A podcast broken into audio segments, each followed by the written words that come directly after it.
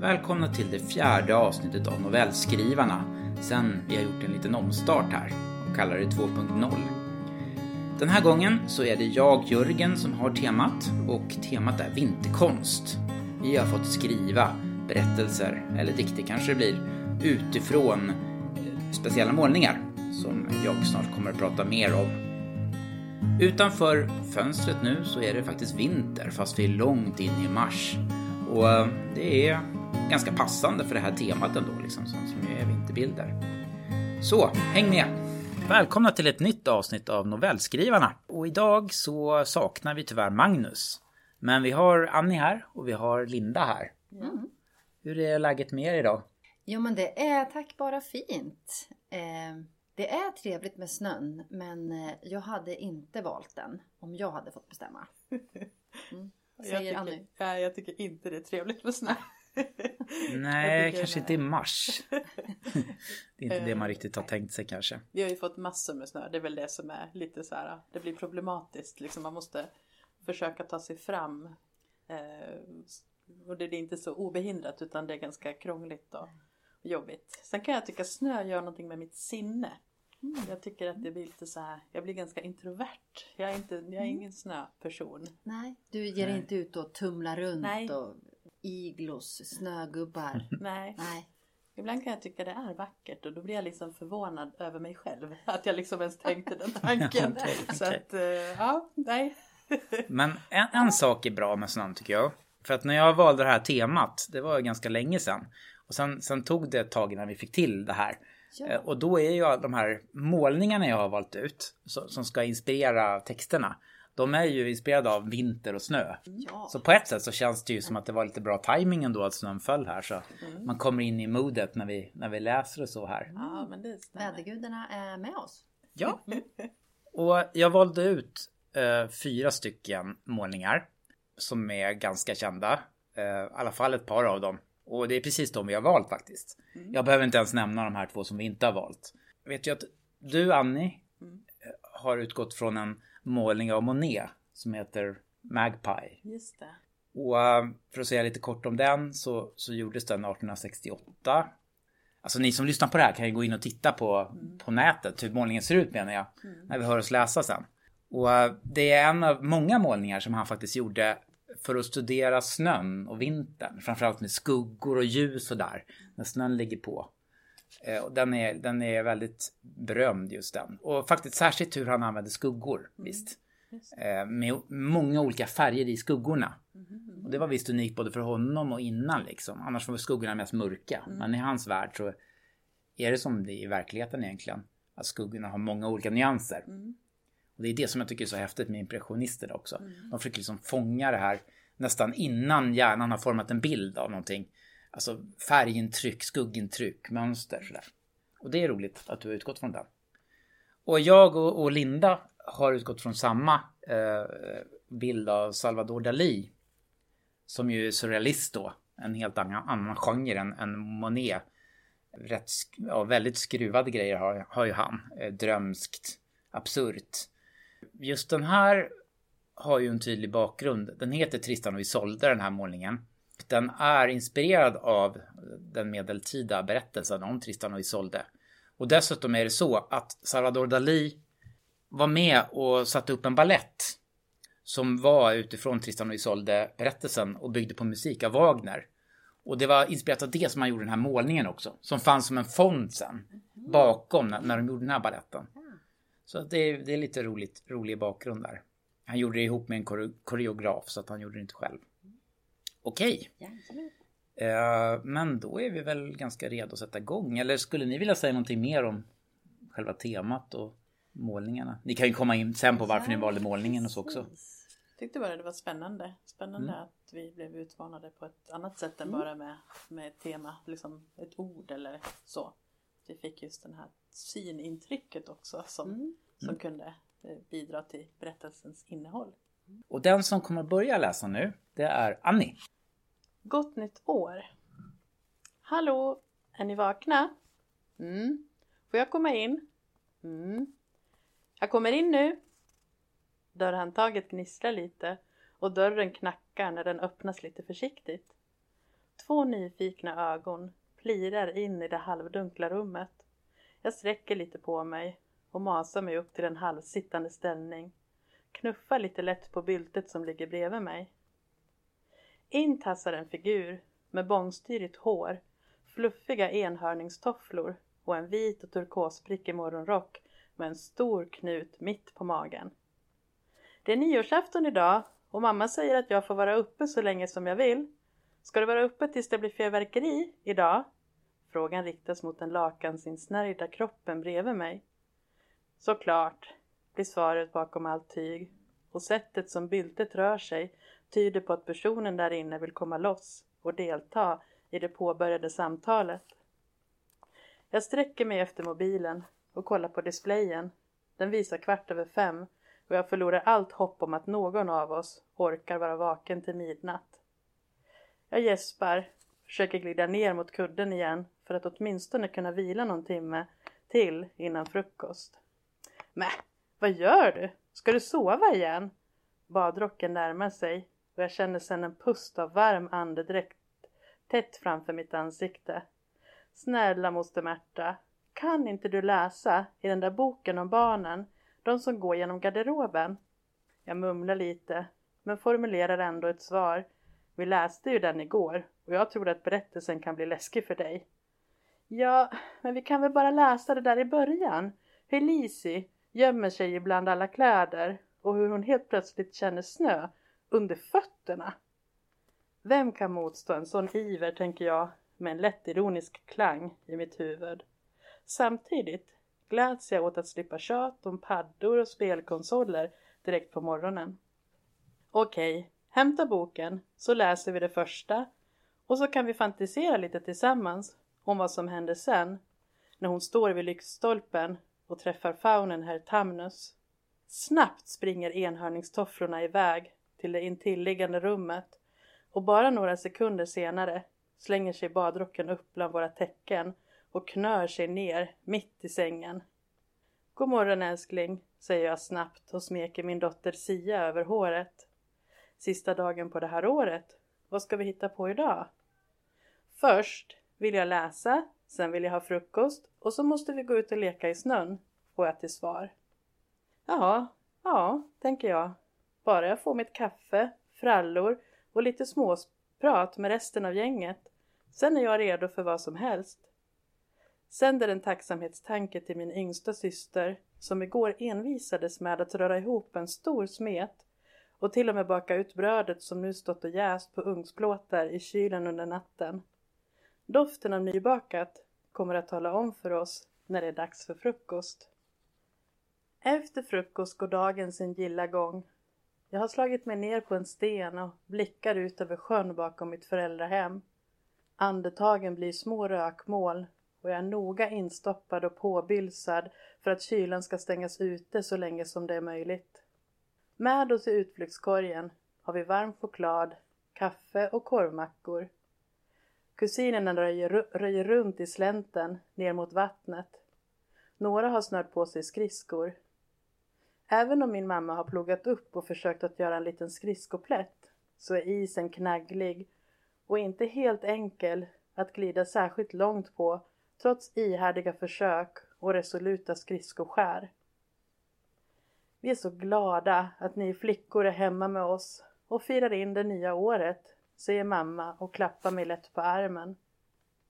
Jag tänker att vad annars skulle jag vara om inte här? Med klanen. Kittet som är min historia och mitt bagage. Som fyller i de där mellanrummen i min person. Ibland vill jag inte vara den jag blir tillsammans med de som står mig närmast. Men oftast känner jag ett lugn och en oförställd version av den jag är på riktigt. Alla själsliga valv med ständigt nya bottnar som jag kan färdas obehindrat mellan med personer som känner till många av mina skrymslen och vrår, precis som jag känner till deras. Plötsligt är det så tyst nerifrån isen.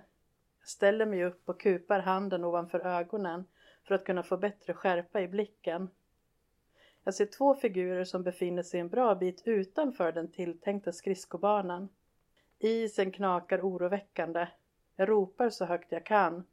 Sia, vänd tillbaka. Ni får inte gå så långt ut. Kom, så fikar vi nu.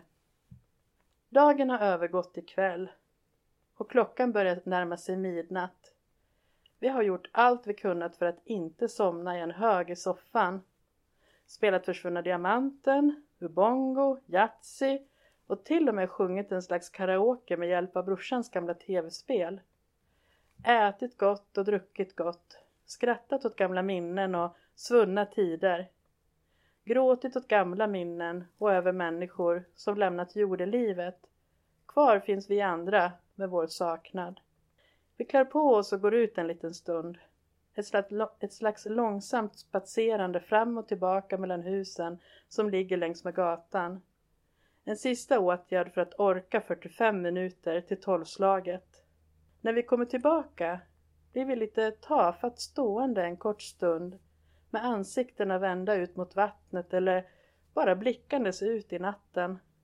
Jag smyger närmare Sia, lägger armen runt hennes, hennes axlar och buffar lite mjukt på lillkusinen som varit tätt intill Sia mest hela dagen. Några ord och meningar kommer till mig och jag tänker i den tysta natten, hjärtljudet, dunk dunk, dunk. Stjärnhimlen så oändlig, vacker. En utsikt där landskapet förändrats med tiden. Den lilla tallen bugar sig vördnadsfullt. Bergstoppen på andra sidan vattnet är orubblig och stabil. Dunk, dunk. Livet, tillvaron, landskapet finns här när jag kommer och dagen jag går. Jaget, ensamt, som en solitär, det är bara en efterkonstruktion. Jag skapas i varje sammanhang och vid varje tillfälle tillsammans med någon. Dunk, dunk, dunk. Ett nytt tidevarv, en ny möjlighet att fortsätta fylla tillvaron med mening. Gott nytt år! Vad fint! Den, jag, alltså jag var verkligen med hela vägen. Och, och så, så skönt att det bara var att det bara var lugn. Usch, isen började knaka. Nej, fy. Nu. Ja men eller hur! Nej. Jag kände också det. Låt det inte. Eh, åh, det var så skönt att, att det inte hände något. Inte minsta lilla. Det var bara lugn och ro. Och, Ja. och liksom alla verkade så nöjda och trygga och Mm. sköna. Du läste någon gång där hyllning till... hmm, jag skrev hyllning till klanen. Du sa Ja. klanen också. Och jag tycker verkligen det var det. En, en, en hyllning till, Ja. till våra nära. Mm. Mm. Vad glad jag blir. Det var Ja. faktiskt precis vad jag ville. Ja, det, det, det, det framgick jättefint. Och så sa du något som, mm, det var någon fin fras där precis på slutet som jag tyvärr inte riktigt hängde, hängde med när jag skulle skriva ner. Jag skapas med, vad var det du sa? Jag skapas med... Eh, skapas i varje sammanhang och Jag vid varje tillfälle. Ja, jag alltså jaget. Att man, Tillsammans med någon Ja, annan. att med någon Ja. annan. Ja. Att man är Ja. ju... Och, Det är ja, jaget är liksom ingen solitär Nej. utan det är först när du, i relation till något Ja. annat som du blir ett jag. Jättehärligt. Först så tog lång tid för mig att förstå vem, vilka det var där Ja. i sovrummet och vilka som kom och Ja. hur, hur var kopplingen och så, så småningom så framstod ju det också att det var Mm. systrar, mamma och Mm. döttrar. Mm. Det är nästan ett grepp det där, eller liksom omedvetet kanske, men, men samma i, i en tidigare text som du skrev. Mm. Om den här eh, kvinnan som, som var gravid Ja, och skulle möta upp med sin man. Ja. Eh, och jag tror inte du gjorde det medvetet, men både Linda och jag kände då att när han inte kom i tid sådär. ja. Tänk om han är otrogen Ja. och allt liksom bara Ja, han gör det just nu innan Ja. den här nyheten. Och det var samma här med isen här Mm. liksom. Att du bygger lite upp, alltså för en dramaturgi där det kommer hända något väldigt otäckt. Mm. Så gör det inte det. Och det tycker jag gör det mycket bättre faktiskt. Mm. För, för att du har ändå fått in det. Mm. Alltså du har ändå fått in det här hotet. Och sen så blir det himla skönt tycker jag. Ja. Så när man lyssnar. Ja men det var skönt att de inte gick igenom isen. Liksom. Mm. Men är det det att man har läst så, det, det man har läst, mycket av det har en liksom otäck Mm. twist. Man är, man är van, man kanske har det som en förförståelse. Man Mm. vä- förväntar sig Mm. att isen ska brista eller någon ska Mm. vara otrogen. Jag vet inte. Alltså vid det första tillfället med den här andra novellen som du hänvisar till, då var det ju inte medvetet från mig, för det var ju inte tanken Mm. att det skulle vara någon otrohetshistoria eller någonting. Men här så var jag ändå i en liksom vägskäl, ska jag göra något mer dramatiskt? Mm. Men så tänkte jag, nej men jag vill ju fånga den här känslan av att det är, det är liksom den här tryggheten, det är familjen, det är liksom en ganska långsam dag men, men, men det Mm. händer ändå mycket för man, man liksom, livet passerar revy på något sätt och, och man har liksom nuet och dåtiden och allt det här men, men då tänkte jag då vill jag inte göra någonting för dramatiskt för då, då liksom förtar det den här Mm. go- goda känslan som jag ville förmedla. förmedla. Det skulle nog inte Mm. riktigt funkat med avslutningen då heller. Eh, nu tror jag jag vet lite när jag funderar här va- varför vi förväntar oss att det där ska Mm, hända. ja. Det här handlar om den dramaturgiska Mm. kurvan i novellen. Mm. Alltså med en inledning, en upptrappning och sen Mm. en vändpunkt som det byggs upp mot. Ja, Och sen så avslutningen. ja, Och vändpunkten i det här fallet skulle kunna bli att Ja. barnen gick igenom isen. ja. Eh, Men det, det gör det ju inte. Utan Nej. där bryter du mot dramaturgiska kurvan. Och den här berättelsen är det bra att du gör det. Mm. För det är inte en sån berättelse. Det känns som att det är själva stämningen här Mm. Som är grejen. Och det var ju precis den här kurvan jag tänkte på när jag la in Ja. den här grejen. Ja. Men så tänkte jag nej jag ska inte gå den vägen. Jag ska liksom fortsätta ha den här goda göttiga dagen Ja. som de har tillsammans. Och väldigt skönt att de inte ens eller, gick genom isen Mm. och klarade sig allihop. Mm, nej. Utan att det inte ens hände Nej. någonting farligt. Utan det bara var mys. Mm. På ett sätt så är det ju faktiskt eh, ändå på dramaturgiska kurvan när jag tänker efter. Ja, det, Att, att eh, den byggs upp Mm. mot någonting. Mm. Och så kommer det här med isen och så tänker man att här händer något fruktansvärt. Mm. Och så händer ingenting. Det är ju någon sorts eh, klimax också på just din. Och så blir det en ganska lugn avslutning istället. Som är rätt överraskande. Och så lämnar jag ju personerna utanför tills när hon Ja. lägger armen om den här personen. Det är ju Ja. också lite medvetet för att man ska fundera men samtidigt så stämningen är så Mm. pass god så den skulle inte vara god om, de, om det hade varit hänt något fruktansvärt om man säger. Mm. Eh, ja. Så hörde jag ju också din, eh, din bibliotekarieröst där också. Jaha, Eh, när du berättade om, eh, Narnia. Ja, just det. Ja.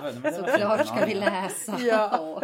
istället för paddor. ja men Ja, vi, jag sa ju inte det egentligen från början men jag valde ju den här vinterbilden eller du, Ja. du hänvisade ju till det. Mm. Och då tyckte jag, tänkte så här, ah, men hur kan jag få liksom vinter i vinter? Jo, jag, jag pratar om, om en berättelse som också är så tydligt med liksom, de här knarrande Mm. fotstegen och så. Så jag tyckte det var lite kul att få, Ja. få in. Ja, toppen. jättebra. Eh, enda jag tänkte lite på sådär. eh, Den här dikten på slutet. Ja. Eller, det bryter ju formen Ja. lite grann. Och jag tycker det funkar i den här berättelsen. Mm. Men det kanske inte ska vara så tydlig brygga. Nej. Alltså, alltså att liksom, och så tänker hon så här. Mm. Och sen så kommer en dikt. Mm. För man tänker inte riktigt på det sättet. Nej. Som i en dikt. Jag tror att den skulle eh, klara sig väldigt bra. Mm. Utan att introduceras. Ja, Att den bara kommer där på slutet. ja Som okej. en liksom, typ kommentar till, Mm. till den här, eller till stämningen. Och, Mm. ja, jag hade den först egentligen i berättelsen. Så jag Ja. hade det liksom, ja jag la in den först i, i mitt dokument helt enkelt. Tänkte ah, man kanske ska börja med det här. Men sen så blev jag lite osäker och därför la jag in den sist. Men frågan är om den hade, om den hade passat då och haft först istället. Tycker den passar jättebra sist. Som en, liksom, en sammanfattning, en avrundning och Mm. mm, ja, men de här mötena under dagen och de hade pratat om förr och varit Mm. lite ledsna och Mm. tänkt på några de hade mist. Och samtidigt så blickar de säkert framåt Mm. för de har barn som Mm. ska växa upp. Så jag tycker att eh, dikten Mm. var jättebra. Så kanske mer bara det här Ja. lilla stycket när jag Ja, försökte göra bryggan. Ja, precis. Ja, Jag tänkte lite så på, på, på Mamma Mu och Kråkan. Jag läste den på julafton när, när de sitter på slutet och, eh, framför eh, en, en julgran. Eller ute i skogen, det är ingen julgran utan kråk, eh, Mamma Mu har klätt den med Ja. ljus. Och det är han- hans present till Kråkan. Ja. Så sitter de där tillsammans och beundrar Mm. det där. Och då är det en liten dikt där också. Ja. Så här, här sitter du och jag och vi är vänner. Din var mer liksom, den är superenkel men ja, jag fick den framför mig. ja, ja, vad kul. Ja. Jag gillar om jag kan göra bilder av Mamma Mu också. Det känns Ja. bra. Oj, man kan prata om mycket här. Men eh, Jag kommer att tänka också på Annika Norlin och, och, och säkert. Jag tycker hon skriver så himla bra texter. Mm. Men hon har någon sån här textrad liksom att det, det är sorgligt att aldrig mer få bli en del av de som vet precis vem jag är. Mm. Alltså lite om att så här växa upp Mm. och att man ändå har varit tillsammans eh, med familjen väldigt tätt och sen Mm. så blir alla vuxna och går åt olika håll. Mm. Men ibland kan man komma tillbaka. Mm. Och det var som att de hittade tillbaka till den stämningen i den här berättelsen Mm. liksom. För du kommenterar också det liksom att Mm. de vet saker om varandra fast på, på ett bra sätt. Ja. Det känns inte som att det är så många stora konflikter som pyr i den här familjen. Liksom. Nej, men jag tänker med en familj behöver man ju, det, det finns ju olika tillfällen och olika situationer men oftast precis som jag försökte få fram det här med det här liksom mellanrummen och det här kittet eller det här som, som man inte behöver förklara. För människor som inte man har liksom så nära eller som man har växt upp med eller som har följt en så länge i livet som familjen Ja. gör behöver man oftast ge en bakgrund. Man måste liksom ja, ge någon Mm. slags Ja bakgrundsberättelse innan man kommer till det man vill berätta eller förklara vad Ja. man tänker och känner och liksom allt det här. Så det kan jag tycka är så häftigt med. Det är fint Familj. med familj. Och familj behöver ju egentligen inte vara blodsfamilj om man säger så utan de här som står väldigt nära och varit med väldigt länge. Eh, så. Och, och, och så kan man ju känna med, med gamla vänner. Ja men precis. Som man eh, inte träffar så ofta för man Mm. bor på olika Mm. ställen. Men att, att känna det när man väl ses. Mm. Och man tar upp tråden exakt där man slutade Mm. senast. Det är Mm. jättefint. Det är så, åh det är så skönt. Och Mm. man kan vara avslappnad och, och lugn och bara... Mm. Och sen måste jag ju komma in där med min mörka sida också och säga att det finns en baksida med det där också. Eh, Att både vänner och familj kan ha en bild av en Mm. eh, som inte längre stämmer, som man själv inte tycker om riktigt. Nej men det... Mm. Så man träffar vissa gamla vänner så eh, man känner sig speglad på fel sätt. Liksom. Mm. Okej, jag Mm. kanske var åt det hållet då, men det är jag Mm. inte längre. Liksom. Mm. Men det kan vara både positivt Ja. och, och negativt. Ja men absolut. Ja. Kanske ännu mer med familj. Ja. Men det var nog det här vinterlandskapet och precis som jag sa när vi pratade om, om vädret just nu. Ja. Där vi sitter i den här lokalen och det är snö utanför. Att, att jag tycker liksom att det blir det här lite introverta, lite Alltså det är något dämpat med snö och det blir dämpat även i mig. Och då tyckte jag det här liksom, själva scenen kändes Mm. eh, som att det passade för, för den här bilden som en, en var inspirationen. Sen har jag ju inte kanske, alltså jag har inte fått med så mycket detaljer på själva målningen men det var mer känslan och Ja. det som den gjorde med mig. M- mer för en, en miljö och en stämning för, för inåtblick Ja. än, än ut. Ja, precis. Ja. Mm. Jättebra. Mm. Okej, men då ska vi gå vidare till... Eller eh, känner du dig klar? Ja, Ja. absolut. Då går vi vidare till Linda här som ska läsa upp sin, sin text.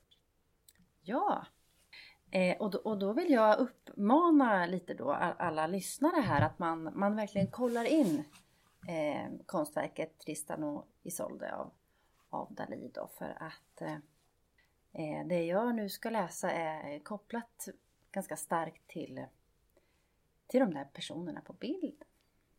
Jag kör igång! Det började med att jag tyckte min näsa var sned. Jag ville rätta upp den bara. Det var ju ingen större fara.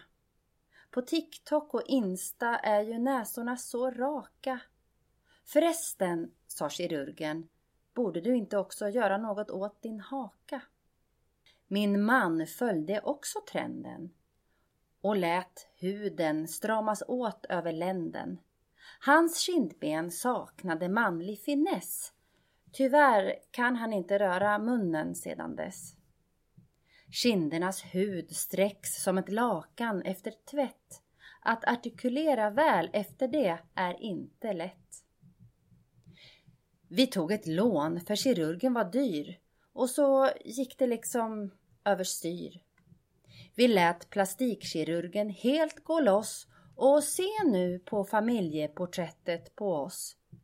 Näsor som självaste Michael Jackson. Ville jag verkligen bli en sån? Nu täcker min överläpp hela näsan. Hur ska jag nu kunna fräsan? Vi är tärda på vissa ställen av kroppen medan läppar, tuttar och rumpa är fyllda till sista botoxdroppen. tuttarnas plaster blev mina laster. Måste nu skyla mig med tyger för att inte visa hur silikonet runt i kroppen flyger. Så här är en hälsning från oss och surrealismens fader. Ett face som Barbie gör ingen glader. Risken är att man ser ut som en tok när man låter kniven löpa amok. Åh. Ja. Men alltså Linda, gud vad bra. ja, på rim också. Ja, det, blev, det var ju ingen novell det här, utan det var ju, ja, jag vet inte, en rimmad vers. Man säger väl kanske så. Ja, men det var ju en dikt tycker jag. Men Kanske med stora drag av satir. Ja, Ja. det var ju, eh, eh, jag vet inte hur det kom sig att jag inspirerades just eh, till den här plastiktrenden av den här bilden. Jag vet inte. Jag vet inte hur det kom sig faktiskt. Men så blev det. Ja, jag tycker inte alls det, alls det känns märkligt. Eh, som de här kropparna är så liksom förvridna och Ja, den kopplingen känns inte alls omöjlig att göra för mig Nej. heller. Nej, Men vad duktig du är på att göra det här liksom samhällskritiska. Det tänkte jag på också i den förra träffen vi hade. Eh, har jag för mig att det var? För då Ja. var det liksom en berättelse som var på flera plan eller hur jag ska säga. Mm. Eh, men eh, ja, nej. Ja men det kan nog stämma. Jag kanske har en, en dragning åt eh, Att det som det händer i fall. nu. Ja. Ja, ja men det kan nog, kan nog stämma. Och sen att det blir så roligt. Det blir Ja. ju roligt fast det blir ju, hur ska jag säga, det kan ju också vara ett skratt som fastnar i halsen. Ja, men jag tycker att det är det. Ja, ja. det, det blir också lite Visst. äckligt på ett roligt sätt. Ja. Liksom silikonet som far runt i Ja. kroppen och Eller som munnen som täcker näsan till slut för att den är så plastikopererad. Ja, det är ju så sorgligt också det här med att inte vara, kunna acceptera sig själv som man är. Och sen så börjar man förändra någonting. Och måste kanske sen fortsätta för att fixa till något annat för att matcha det. Och så någonting som blir fel och så måste man börja fixa. Alltså det tar aldrig slut när man väl börjar för att destruktivt helt enkelt. Det är så, så sorgligt alltså. Och jag såg en, eh, jag vet inte när det var. Det var i, i samband med att jag höll på att jobba med den här, den här versen i alla fall. Jag såg en bild på Bianca Ingrosso för några år sedan. Mm. Alltså hon är ju helt förändrad. Och hur gammal är människan? Hon måste ju vara typ runt 20. Jag vet Ja, hon är ganska ung i alla fall, 25 kanske. Alltså, Ja. så, så himla tråkigt att... Mm. Så unga att de tycker att de Ah. behöver det alltså. Ja. Man kan ju lite förstå äldre människor att de jag tycker det är inte bra där heller tycker jag. Men när det kryper ner i åldrarna så där så blir det liksom Ja. ännu hemskare. Nej, det är helt vanvettigt. Det är ju att göra det som en, som en något naturligt. Mm. Att ja, men jag byter ut det här. Eller jag gör så. Ja, det är tråkigt. Ja, nej, men det, ja, det blev verkligen, det var liksom underfundigt roligt och samtidigt väldigt allvarligt. Ja. Jag tänkte på den här mannen som också rycktes med direkt i det där. Ja, men Eh, visst. Jag kommer inte ihåg hur du skrev. eh, Men ja, jag tyckte du fick till det jättebra. Och just att det var på rim också. Ja. ju- Vi lever ju i ett samhälle som går lite runt på att människor inte är nöjda med, med sig själva liksom. Eller liksom, det är också en industri i det här. Mm. Inte bara liksom plastikkirurger och eh, silikon och sånt där utan själva känslan av att inte vara tillfredsställd. Att Mm. jag behöver något mer liksom. Jag duger inte som jag är. Det, det är ju en väldigt eh, man kan tjäna mycket pengar på den känslan. Ja, Jag tänker ja, att det här finns också någonstans i botten, den samhällskritiken där. Mm. Det läser jag in i alla fall. Mm. Men Ja. tänkte du direkt att du skulle skriva på rim? Nej, men det var, det var nog inte liksom en... Ett, det var nog inte något jag så här, ska jag göra si eller så eller ja, men jag ska göra något så. Men jag, jag, jag, gillar, jag gillar bara de här, de här enkla Mm. rimmen som är ganska rytmiska sådär. Mm. Jag tycker att det blir Mm. eh, effektivt på något vis. Så jag har, en, jag har en läggning åt det här. Jag gillar julklappsrim Ja. till exempel. Ja, Okej. ja, ja, men spännande. Nej, men det var ja, jättebra. Jag var nästan på väg att spontant skratta och så tänkte jag nej, oh, jag ska inte göra det nu för då förstör jag liksom stämningen när du läser så bra. Ja, ja nej, men det får man göra. Det är så Absolut. roligt att se att rim också funkar. För jag, jag har läst ganska mycket Tove Jansson för, för eleverna här. Mm. De på lågstadiet. Mm. Och det funkar ju klockrent det här med rim. De tycker ju det är jätteroligt. Och de, de fascineras av att också att eh, rytmen i det och Mm, musiken. Och, det kommer nog aldrig dö liksom. Och det är ju Ja. så kul att läsa barnböcker på rim. Ja. Det är ju det. Det tillför någonting alltså. Som Gruffalon till exempel. Ja, alla jag, skulle, och jag skulle säga Gruffalon. Tänk. Ja. Men har du läst Annika Sandelin? Nej, Då vet ska du inte. läsa henne. Oj, Annika oj. Sandelin, Ja. absolut. Där finns det roliga rim. Och Ja. så här som man inte kan tänka sig. Är det något för barn eller för vuxna? Nej, det är för barn. Hon skriver för barn. Men jag, Ah. jag som vuxen har stor behållning av det hon Har, du, skriver. har du någon bok som du kan? Eh, ja, det finns jättemånga. Men nu kommer jag inte på en exakt Nej. titel. Nej. Men Annika Mm. Sandelin, hon har ju skrivit både romaner, ungdomsromaner och kanske någon vuxen. Ja, men men hon har upp. skrivit många rimböcker. Mm. Och lite sånt här, jag ska inte kalla det för nonsensrim, men jag vet Mm. att hon har själv berättat att det började liksom som en lek med en kollega. Och så gjorde de liksom mer och mer avancerade, lite så här Ja men tokiga rim och sen till slut Ja. blev det en bok för henne för att eh, Ah, det blev wow. som en form som Ja, ja, som var kanske lite ny och Mm. ett litet nytt angreppssätt. Så, Ja, men så nej, Toppen. får du kolla. Tack ja, för tips. Roligt. Tack för tips. Är det något mer du vill säga? Eh, nej men det var nog allt tror jag. Ja. Ja. Nej men då går vi vidare. Då är det väl bara jag kvar här då. Ja, jag kanske ska säga någonting jättekort bara om kopplingen till, till eh, målningen. Den är egentligen på två plan. Det här är ju någon sorts min version av Tristan och Isolde kanske man kan säga. Men sen är den också väldigt inspirerad av den här bilden eh, och deras frysta positioner i, i eh, målningen på något sätt. Den svarta massan trycker ner molnen och himlen. Som bläck. Som ett dödens draperi. Snart skulle allt vara kompakt mörker. Om det inte vore för att världen har fryst just i detta ögonblick. Här kommer ingenting att förändras. Han glider över isen som ett spöke från en annan tid. Vilket är precis vad han är. Över isen som ett vinddrag. Inga reflektioner på den blanka ytan. Det enda som hörs är tystnaden.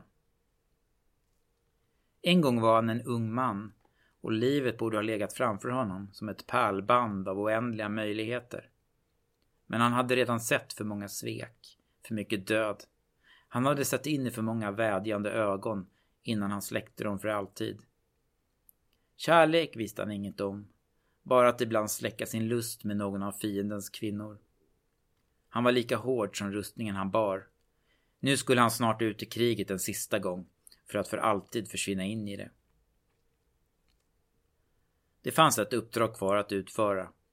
En sista tjänst för den enda människa han någonsin sett upp till. Hans bästa vän. Hans morbror och kung. Den som dubbat honom till riddare. Han skulle eskortera bruden oskadd genom fiendeland. Första gången hon kom emot honom kunde han inte sluta titta. Hon var något annat än någon kvinna han tidigare sett. Som att komma hem, som att något föll på plats. De ljusa långa flätorna som föll ner vid hennes sidor. Det där ansiktet som var skört och urstarkt på samma gång. Till slut blev hon arg. För stirrandet och tigandet. Det finskurna ansiktet förvreds av ilska på ett oemotståndligt sätt. Han gjorde vad han kunde för att trycka bort det, komma på fötter igen. Han försökte ignorera henne, red vid hennes sida men sa inte ett ord. Han var skräckslagen för sig själv och sina känslor. De red tysta där sida vid sida genom en skog där mörkret sakta föll. Hennes häst blev rädd för något, stegrade sig. Hon höll på att falla och han var där med sin famn. De såg varandra i ögonen, sen skrattade de. När de väl började prata så kunde de inte sluta och de söks in i varandras universum. Det började med orden, men snart drogs också kropparna mot varandra. Fast båda höll emot så hamnade de till slut i varandras famnar. Ett underbart fall, en underbar natt som gjort hela hans liv värt att leva. De kom fram till slut, trots att han försökte övertyga henne om att lämna allt och fly med honom. Han var hedersgäst på bröllopet, men i varje sekund ville han krossa glaset i sin hand. Så följde månader av smygande, stulna kyssar bakom stängda dörrar, omfamningar i skogens mörker, hungriga blickar över borden. När allting sprack så förlorade han det sista som gjorde honom till människa. Sin livskärlek och sin bästa vän. Han förlorade tron på sin kung. Sen fanns bara hat kvar. Han förlorade allt utom sitt liv. Hon förlorade också sitt liv. De höll fast honom medan hon brann på bålet. Och med hennes vrål av smärta dog också han. Han fick det värsta straffet ändå. Att leva vidare i en värld utan henne. Sedan fanns bara krigen. Ingenting spelade längre någon roll. Mäktiga män skickade honom hit och dit och han struntade i vem han dog eller levde för. Skadad blev han många gånger, men dog gjorde han inte, hur mycket han än försökte. Han kommer alltid tillbaka hit. Det är kanske det enda fina han har kvar trots allt. De står där som två statyer. Samma frusna påsar. samma skugga från hennes kropp över isen, samma krampaktigt utsträckta händer från honom. Allt står stilla här och kommer aldrig röra på sig igen. Han går fram till henne och försöker stryka hennes iskalla kind. Handen går bara igenom, som rök. Här har deras dödsdömda kärlek bevarats, stelnat i tiden. De har fastnat i en evig natt på ett stort hav, på en is i ett vinterland. Han sträcker ut sig mot henne. Hon vill inget hellre än att möta honom. Men de är båda fastfrusna i ögonblicket innan deras allra bästa stund. Jag eh, funderar på vad det är för, för ställe här. Var, var... Först tänkte jag, var det någon staty som hade gjorts? Men det verkade mer vara något gjort av dimma. Eller något som inte finns på riktigt. Så är det bara i hans huvud som det här minnet finns? Eller är det på något, något ställe? sådär funderar jag på. Vet du det Jörgen? Ja, eh, eller jag vet hur jag tänkt till viss del. Nej men jag, jag tänker mig ett inre landskap, en inre plats. Mm. Som bara är liksom deras. eh, Lite romantiskt sådär fast i det här fallet ganska otäckt också. Eftersom de aldrig egentligen fick varandra. Att det gick fel alltihop och liksom det Mm. stelnade innan det, det blev någonting. Mm. Men ändå att det har har liksom någonting han har sparat. Ja, kanske i sitt huvud men liksom på ett lite mer metafysiskt plan. I en annan dimension så finns de kvar där men de möter aldrig varandra. Mm. Men det blir aldrig någon katastrof eller som det blev i verkligheten. Mm. Ja, något sånt. Det känns lite historiskt att, att det, liksom, det är inte nutid utan det är Mm. ju längre tillbaka i tiden om man ska säga så. Ja, Eh, och det ty- jag tänkte på det att samtidigt är det väldigt få detaljer men i alla fall uppfattar jag det Mm. ändå. Vilket jag tycker är bra att man behöver inte liksom man behöver inte ha svulstiga beskrivningar men man kan ändå plantera så att personen som lyssnar kan liksom göra sig en bild av ja, men, tid och rum. Var, var befinner vi oss någonstans?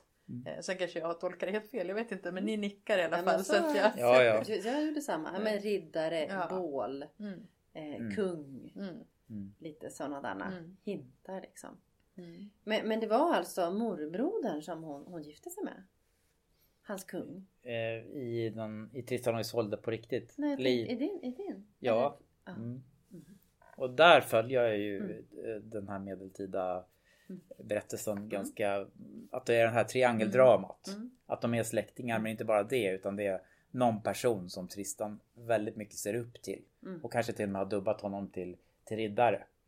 Och då sveket blir så mycket större när han faller för henne liksom. Mm, mm. Men sen blir det ett svek åt andra hållet när det här hårda straffet kommer. Mm. Och där finns det olika versioner av den här sagan. Mm. Jag har väl valt en, en kanske ganska grym väg. Fast det är ändå de här reflektionerna som man gör den här inre liksom, monologen som det blir på något sätt. Jag tycker du fångar det bra. Det känns som att du har haft med dig också i andra berättelser. Men kanske att det här är mer ett flöde, alltså ett längre flöde än vad du brukar ha. Om du ska Mm. säga så. Jag vet inte om du förstår hur jag menar. Jag tyckte det var bra. Att, Mm. det, att det liksom, det blev bara en berättare. Eh, och det Mm. blev liksom en, en scen på något sätt. Och vi förstår att det är ganska mycket eh, det inre som, som eh, förmedlas och speglas. Mm. Och, och jag tänkte, för du nämnde kriget och krigen och det tänkte jag ändå att det var något konkret. Det var inte bara ett krig i huvudet. Nej, nej, nej. Utan han, han, han ville ut i kriget för han ville, han ville också dö. För han miss, och det misslyckades han med. Mm. Eh, och då kanske jag är lite insnöad här då på det här med nutidsperspektiv. Men jag kommer att tänka på Wagnergruppen. Ja, Eh, ja. Jag tänker, som är ju ohyggligt med den, den samling människor och vad, vad, de, vad de gör liksom. Men då kommer jag att tänka på att ja, men det kanske är de som söker sig dit för att de, de, vill, de vill fly från någonting. Ja, den inre kärnan i alla fall. Sen har, har de ju använt sig av, av liksom eh, fångar Ja. som har tvingats Ja. ut här för att på något Ja, sätt... in, in, inte de som är dittvingade utan de som, de Nej, som har nej, valt det här det kan vara av... människor. Man vet ju inte vilka orsaker liksom. Ja, men det är en bra koppling för jag, Mm. jag tänker att min Tristan är en eh, krigsskadad människa. Mm. Eh, och jag, jag, det är för att jag har lite svårt för de här riddarberättelserna som utlämnar det. Mm. Hur blodigt det säkert var på den här tiden. Mm. Och eh, med sina rustningar och, och, och sina vapen så hade de en fördel på slagfältet tror jag. Så att de kunde döda väldigt många utan att själva bli så skadade. Så det gör någonting med en människa. Mm. Och redan han är ung så, så, så gör han det här. Och han, det förstör honom liksom. Men det var en fin vinkel. Alltså Ja. att få in det då. Att du medvetet har tänkt att jag måste få berätta någonting som kanske utelämnas som du sa. Ja. Eh, ofta när man har den här typen av sceneri och den här typen av upplägg och den här typen av eh, historisk period. Mm. Eh, så det tyckte jag var jättebra. Jag vet inte, jag har ju inte hört, vi har ju inte varit med så länge men jag kände att det här var liksom lite annorlunda mot det du har, har haft tidigare. Jag tyckte det var positivt. Eller jag menar inte att det andra har varit Mm. Nej, nej, dåligt på något sätt Mm. utan det har varit jättebra också. Men det var liksom ett nytt grepp eller en ny, ny ton eller Fint. Nej men det, jag är jättenöjd med det. Eh, tack. Och då med det så är vi väl ganska klara eller? Har vi något slutord här? Och... Eh, nej, vi får väl bara eh, liksom av, avrunda temat här med att ge oss ut i, och so- sopa bilarna och Mm. Ja. ta fram cykeln och ge oss hemåt i, i snö. Njuta av den sista Ja. snön kanske. Fast man vet aldrig i de här tiderna. Klar, klar himmel ute nu i alla fall. Ja, Mm. okej. Men vi ses snart igen. Ja. Absolut. Ja, hej då! Hej. Ni har precis lyssnat på avsnitt 2.4 av novellskrivarna med temat vinterkonst. Och de som har pratat i det här avsnittet är Linda Eklund, Anja Geli och Jörgen Leidebrandt. Nästa avsnitt så är det Linda som har temat och hon har valt temat avslöjandet. Så lyssna då mycket gärna och sprid gärna att den här podden finns till vänner och bekanta.